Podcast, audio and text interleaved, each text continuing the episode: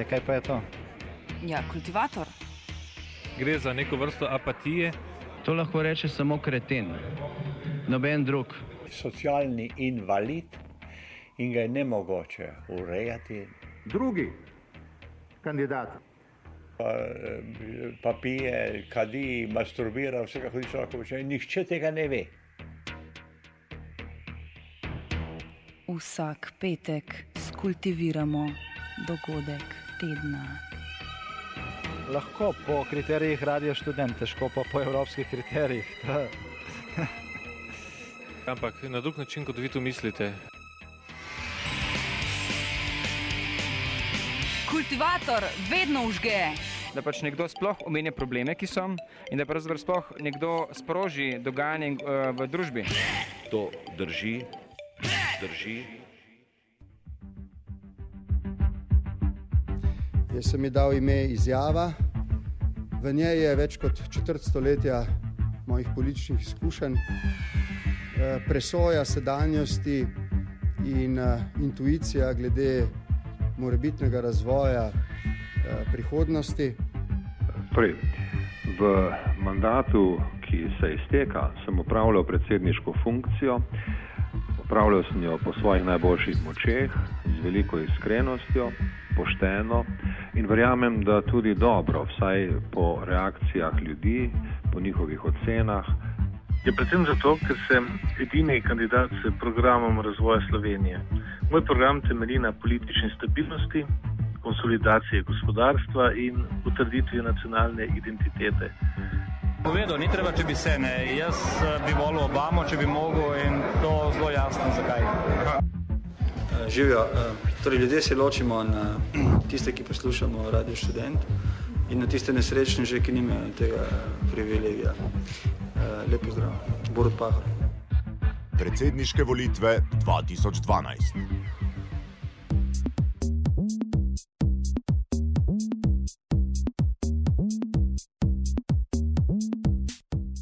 Kar se neuradno že dlje časa odvija, kampanja za predsednika Republike Slovenije namreč se začenja tudi uradno. Zaenkrat kaže, da bomo tokrat imeli samo tri kandidate: dosedanjega predsednika Danila Türka, Boruta Pahorja in Milana Zvera. V namen uradnega začetka predsedniške kampanje smo se spraševali o dosedanjem poteku neuradne kampanje in kaj so trije kandidati prikazali oziroma kakšne opcije bodo izkazali v prihodnje. Za začetek smo govorili z Milanom Zverom, ki svoja dva protikandidata ocenjuje takole. No, zato, zagotovo sta uh, oba dokaj konkurenčna kandidata, tako da bo uh, predsedniška tekma uh, zanimiva in dokaj negotova, ampak v dosedanji predkampanji uh, nista veliko pokazala uh, torej, uh, programskih usmeritev ali pa vsebine. Uh, tako da menim, da je tudi sicer to moja primerjalna prednost primerjave z obema, ki ste jih omenili. Kako pa gledate na to pahorjevo taktiko, da hodi, recimo, temu, da dela svašta počne, no pač dela v delavnicah, po gozdovih in tako naprej? No, vsak si je iz, izbral svoj način volilne kampanje. Ne? Tudi to je lahko ena izmed njih, lahko je tudi medijsko všečna, če ga mediji seveda spremljajo in tudi ga. Predsednik republike je delal kampanjo za svoje pozicije, torej je imel neko že izhodiščno prednost uh, pri tem. Uh, no, jaz sem imel verjetno naj, najbolj uh, uh, trše, najtrše, najslabše pogoje do sedaj. Ampak uh, sedaj se stvari spreminjajo, zato ker bo veliko soočen. Uh, če se predsednik republike več ne bo izogibal uh, soočen, bo to dobro ne samo za me eh, kot izzivalca, ampak tudi za slovensko verilno telo. Filozofa Borisa Vezjaka smo poprašali, kako je on videl neuradno kampanjo treh kandidatov do sedaj. Ja, ti trije kandidati, ki verjetno ostajajo edini, so pokazali bolj ali manj, ne, da je bila dosedanja kampanja relativno dolgočasna. A, tudi sami kandidati so bili predvidljivi, vsi so znani obrazi. A, tako da v tem smislu ta kampanja doslej ni prinesla nič novega, dobenega si suspenza. Rekl bi recimo, da je bila Zverova kampanja izrazito sterilna, da je bila Tirkova kampanja izrazito ziheraška v smislu recimo igranja partije šaha, ko igraš poteze, ki predvidljivo vodijo do končne zmage, ne, brez posebnih tveganj. In da je bila Pahorjeva kampanja, da recimo temu cirkusantska, ne, v tem smislu je bila še najmanj dolgočasna prav njegova.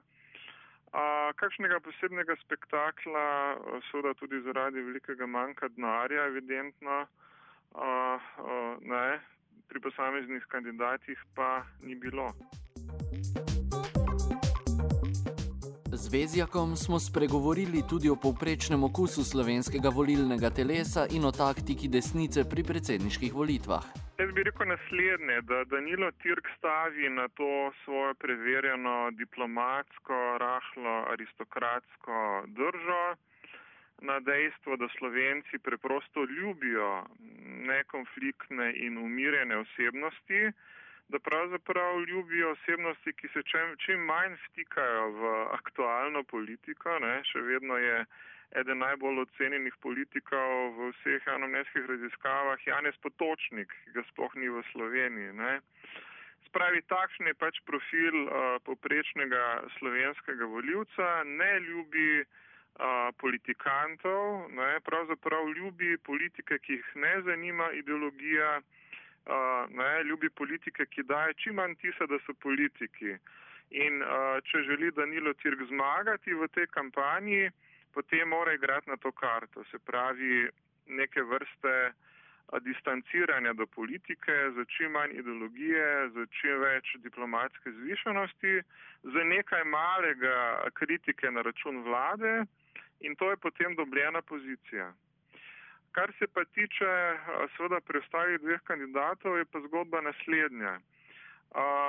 Desnica je seveda naredila veliko napako, ko je pravzaprav izbrala za svojega kandidata Milena Zvera in pri tem stavila na to, da bo ta kandidat uh, podpiral to vlado. Ne. Recimo lep primer te napake je današnji dan, ko mediji poročajo o tem, da Milan Zver dejansko podpira dvig DDV-ja na tisk. Se pravi, s tem se je ta kandidat evidentno katastrofalno zameril vsem medijem, ne celo desnim medijem, je pa podprl svojo vlado in svojo stranko in svojega predsednika Janša. Ne.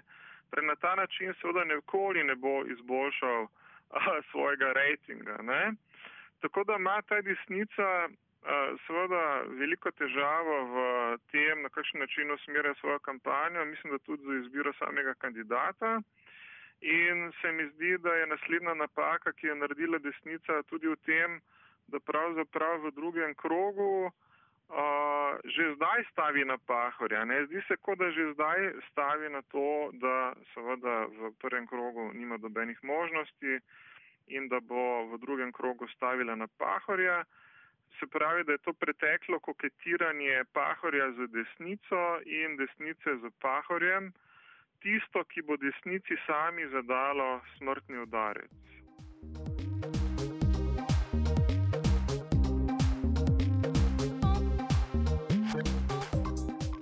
Kandidat za predsednika države iz vrst socialnih demokratov Borut Pahor o sebi kot najbolj primernem kandidatu pravi sledeče. Bistvo dogovora, za katerega se zauzemam v tej izjavi, ta izjava pa je temelj mojega programskega nastopa na letošnjih predsedniških volitvah, je, da je bistvo dogovora temeljna podpora reformnim korakom in vsemu, kar je bistveno za krepitev zaupanja med političnimi strankami, med političnimi institucijami in ne nazadnje med ljudmi. Politični dogovor parlamentarnih strank, za katerega se zauzemam, naj seveda nadgradi socialni dialog. Posebej opozarjam, da bo ta napor obrodil pričakovan sad, če se bo politika vsak dan, vsak trenutek uprla skušnjavam po spodbujanju za mir in predsotkov, še zlasti tistih, ki so povezanih s polpreteklo zgodovino. Zahtevnost razmer nas napotuje na takojšnje ukrepanje.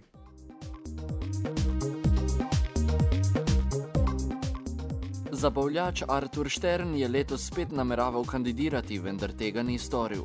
Poslušajmo njegov pogled na letošnje predsedniške volitve in na tiste pred petimi leti, kot tudi na zbiranje podpisov. Ja, to je bilo predisponirano, to so se pač zmenili, kdo bo, kogarkoli bi zdaj te stranke kandidirale, bodi si desno, levo, bi pač bil glavni kandidat. Ne. Recimo, če se spomnim pred petimi leti, Turk ni bil pač sploh poznan ne, na tem našem političnem ali pa sploh siceršnjem obzorju.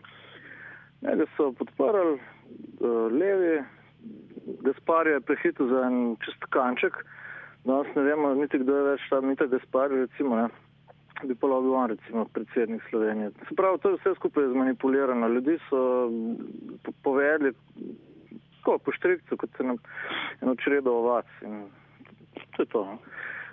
Videl sem pa to seveda tudi z vlastne perspektive, ker sem že drugič kandidiral. Sem, leto sem mislil, da bom imel bistveno več podpore, kot kar takrat pred petimi leti, ker dejansko mi je veliko ljudi rekli, da ne se lotam te zadevščine, pa, v končni fazi videl, da, da to so skratena komedija, ker nobeno se ne ljubi podpisati, ne, si bi dal podpise gostilni, bi zbral tako 5000 v enem večeru, ne, da pa došel pa še na to upravno enoto, pa se pa nobeno ne ljubi tistih 10 minut riskirati.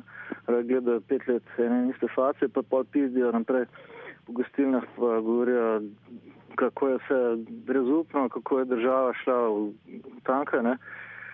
sami pa ne bi naredili nič, ne. tako da si zaslužijo to, kar imajo. Vrnimo se iza gostilniškega omizja k natančnejšemu seciranju taktik in strategij predvolilnih štabov kandidatov za predsednika države. Vlado Miheljak, profesor politične psihologije in kolumnist, ocenjuje, da imajo kandidati zelo različne stile in pristope, pa tudi zelo različna zaledja volilnega telesa in mnenjskih voditeljev. Kako torej kaže kandidatu desnice? Desnica na teh neposrednih soočenjih, ne, na neposrednih volitvah, ne, težko zmaga. Ne. Še zlasti zaradi tega, ker pravilni štabi, ki vodijo, ne, celo tiste minimalne možnosti, ki so pravzaprav uničijo. To se je videlo recimo v kampanji Lojzeta Petrleta. Lojzet Petrle je bil v prvem krogu celo vodilni, ne, je bilo sicer jasno, da bo težko, ne, zmagal in potem je, potem je šel v negativno kampanjo. Ta negativna kampanja se v Sloveniji ponavadi ne prime. Zdaj, eh, letos lahko pričakujemo, da bo seveda eh, v eh, desnica v težki dilemi, ne, ali forcirati zvera, ki je absolutno loser v spopadu, če pride v drugi krok, ne, ima pa neke možnosti, da pride v drugi krok. In zdaj, kaj si je desnica mora privoščiti? Ali da sploh nima kandidata v drugem krogu, pa premočno ve, da drugi krok deva kandidata, ne? ali da vendarle skuša, ali eh, da vendarle skuša svoje pritisniti za zadnje mesece na drugo pozicijo in da se spopade v drugem krogu. Ne? To meni, da bi morala ne, eh, nekako eh, se iti aktivno kampanjo proti proti Pahorju, ne proti Turkom, pa proti Pahorju, da bi se mu dvignil rejting, se pravi, da bi premagal Pahorja. Tu je pa zdaj ena zagata. Ne? Če v tem delu gredo proti Pahorju, Pahor pa eventualno pride v drugi krok, ne? Ne? bi imel teoretično, čeprav ne realno, možnost Pahor, da zmaga, če se šteje svoje glasove na levici, plus relativno visok odstotek glasov na desnici, če ga bodo diskreditirali, se to ne bo zgodilo. Ne? No, eh, zdaj, eh, zelo verjetno vendar le bo, da bo drugi krok Turk Pakor, čeprav jaz ne, ne, ne izključujem zvera. Zdaj, Turk zver je tekma izgubljena za zvera, ne glede na to, če bo tudi kakorkoli poskušali z negativno kampanjo diskreditirati zdajšnjega predsednika. Ne. Nekoliko več možnosti ima Pahor, ne, zaradi tega, ker če Pahor vendarle bi dobil precej desnih glasov, ki bi volili manjše zlo, ampak računajte, bo zelo verjetno, če bo, bo drugi krok. Ne. Če ne bo drugega kroga, bo prvem krogu zmagal, eh, lahko zmaga eno let Turk. Ne.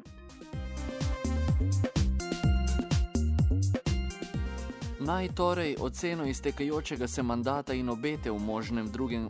V možnem drugem krogu osebno predstavi še zadnji kandidat Danilo Türk, kako je opravljal predsedniško funkcijo. Pravljal sem jo po svojih najboljših močeh, z veliko iskrenostjo, pošteno in verjamem, da tudi dobro, vsaj po reakcijah ljudi, po njihovih ocenah, potem, da so me mnogi prosili in mi predlagali, da kandidiram ponovno, tako sklepam. Deloval sem na vseh področjih, zlasti sem se posvečal socialnim problemom in zavzemal sem se za večje vključevanje mladih v odločanje. Kako pa bo poslej? Verjamem, da imam zelo dobre možnosti, da bom izvoljen na prihodnjih volitvah. V prihodnem mandatu se bom v tem primeru s podvojeno energijo posvečal tem nalogam, ki so me zaposlovale že doslej. Želim si doseči, da bi imeli pri nas boljšo razvojno perspektivo, večjo kulturo medsebojnih odnosov, več poštenosti, da bi reforme resnično izvedli z občutkom za skupno dobro in tej ideji delati za skupno dobro bo posvečena ne samo moja volivna kampanja, ampak ves drugi mandat. Kakšno predvolilno kampanjo pričakujete in kakšno je vaše mnenje o dveh eh, protikandidatih, ki sta recimo temu najbolj resna? Torej, gledajte, jaz eh, drugih kandidatov ne ocenjujem, to je stvar voljivk in voljivcev, to ni stvar kandidatov samih. Kar pa se tiče volivne kampanje, pričakujem, da bo ta takšna, kakršna je pač naša politična kultura. Ta politična kultura ni dobra in v svojem predsedniškem mandatu sem imel veliko opravka z nekulturnimi napadi, s poleni pod noge in drugimi takimi stvarmi, ki mi niso všeč.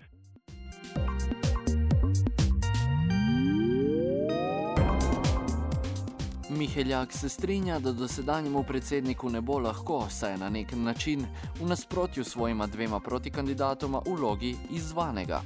Po drugi strani pa ne gre pozabiti, da je njegova primerjalna prednost prav izkušnja predsedovanja državi. Na nek način najtežje in hkrati pa najlažje je zdajšnjem predsedniku Turku. Namreč Turk podobno kot je to posod drugot, ne, kjer so primerljive, primerljive pooblastila predsednika, eh, je v situaciji, seveda, ko ga drugi eh, napadajo, komu drugi očitno stvari. Hkrati pa je imel možnost pokazati, kako funkcionira kot, kot eh, predsednik. Tudi če pokazal ne, to, kar se je takrat očitalo in na nek način uh, pričakovalo, da ne bo dovolj avtonomen glede na, na, na takratno 2-4-2-8 eh, desno koalicijo, pa se je pokazalo, da so hitro prišli konflikt in da je neko avtonomno držo, je opozarjal na njihove napake, ne? tako da na levici je absolutno spremljiv. Jaz sem pripričan, da v tem trenutku verjetno potegne in bo verjetno še v kampanji se to pokazalo celo več, več glasov neposrednih voljivcev SD kot kot sam pahod. Ne. To je seveda en paradoks, ampak kakorkoli. Ne.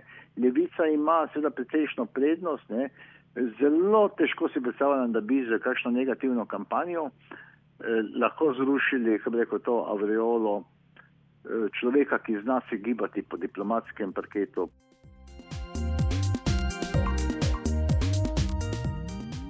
Največjo neznanko v volilni tekmi verjetno predstavlja Borut Pahor zaradi svoje zabrisane identitete v smislu jasne politične profilacije, vprašanje pa je tudi, kako bodo voljivci nagradili njegove svojske prijeme v političnem marketingu. Pahor je pravzaprav nič, nič presenetljivega, čeprav šokantnega. Ne? Ta populizem njegov nima meje. Ne? Zdaj jaz menim, ne, da ta populizem sicer lahko določen določen odstotek ljudi pripriča, ne, pač enkrat, enkrat eh, čistiš pesjake, drugič si frizer, tretjič, tretjič padeš konja in tako naprej. Zdaj, jaz mislim, da pa vendarle seriozni levi voljivci takega kandidata, ne, ki gre za tako mero, s tako mero populizma, ne morejo, kako rekel, voliti. Ne. In mislim, da on to zgublja v intelektualni eliti levice. Ne mislim, da je tam rekel, zelo malo, ne, zelo malo je tistih, ki bi bili pripravljeni dati takemu pahodju svoj glas. S tem, da seveda pahod ima to breme, da se ga pozna, ne, da ta njegov populizem je pretirani, po drugi strani je pa ta njegova spravljivost, ne, ta, kako rekel, je že patološka, patološka nekonfliktnost. Ne. Takrat, ko moraš biti konflikten, ko vendar gre za koncepte, za, za, za temeljna vrednostna vprašanja, pa zapravo balansira. Ne. In recimo težko si predstavljati, da bo Leviča dal glas nekomu, ki pravi, da je dobro, da, da Janševa vlada ostane. To je pred kratkim par dni nazaj rekel. Ne. Tako da jaz menim, da seveda to, kar dela, jaz mislim, da sicer dobi določeno stotek ljudi, ne, ampak ne, ne, ne, ne ljudi na levici. Ne.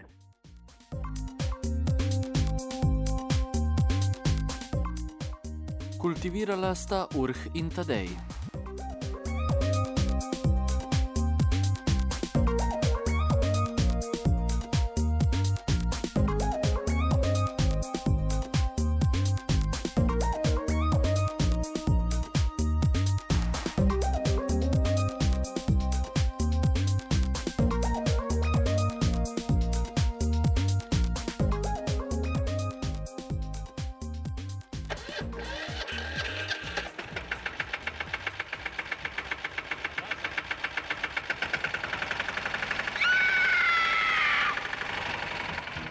Ja, kaj pa je to? Ja, kultivator. Gre za neko vrsto apatije. To lahko reče samo kreten, noben drug. Socialni invalid in ga je ne mogoče urejati. Drugi kandidat. Pa, pa pije, kadi, masturbira, vse kako hoče lahko počne. Nihče tega ne ve. Vsak petek skultiviramo dogodek tedna. Lahko po kriterijih radio študent, težko pa po evropskih kriterijih. Ampak na drug način, kot vi to mislite. Kultivator vedno užge. Da pač nekdo sploh omenja probleme, ki so, in da pravzaprav sploh nekdo sproži dogajanje uh, v družbi. To drži, drži.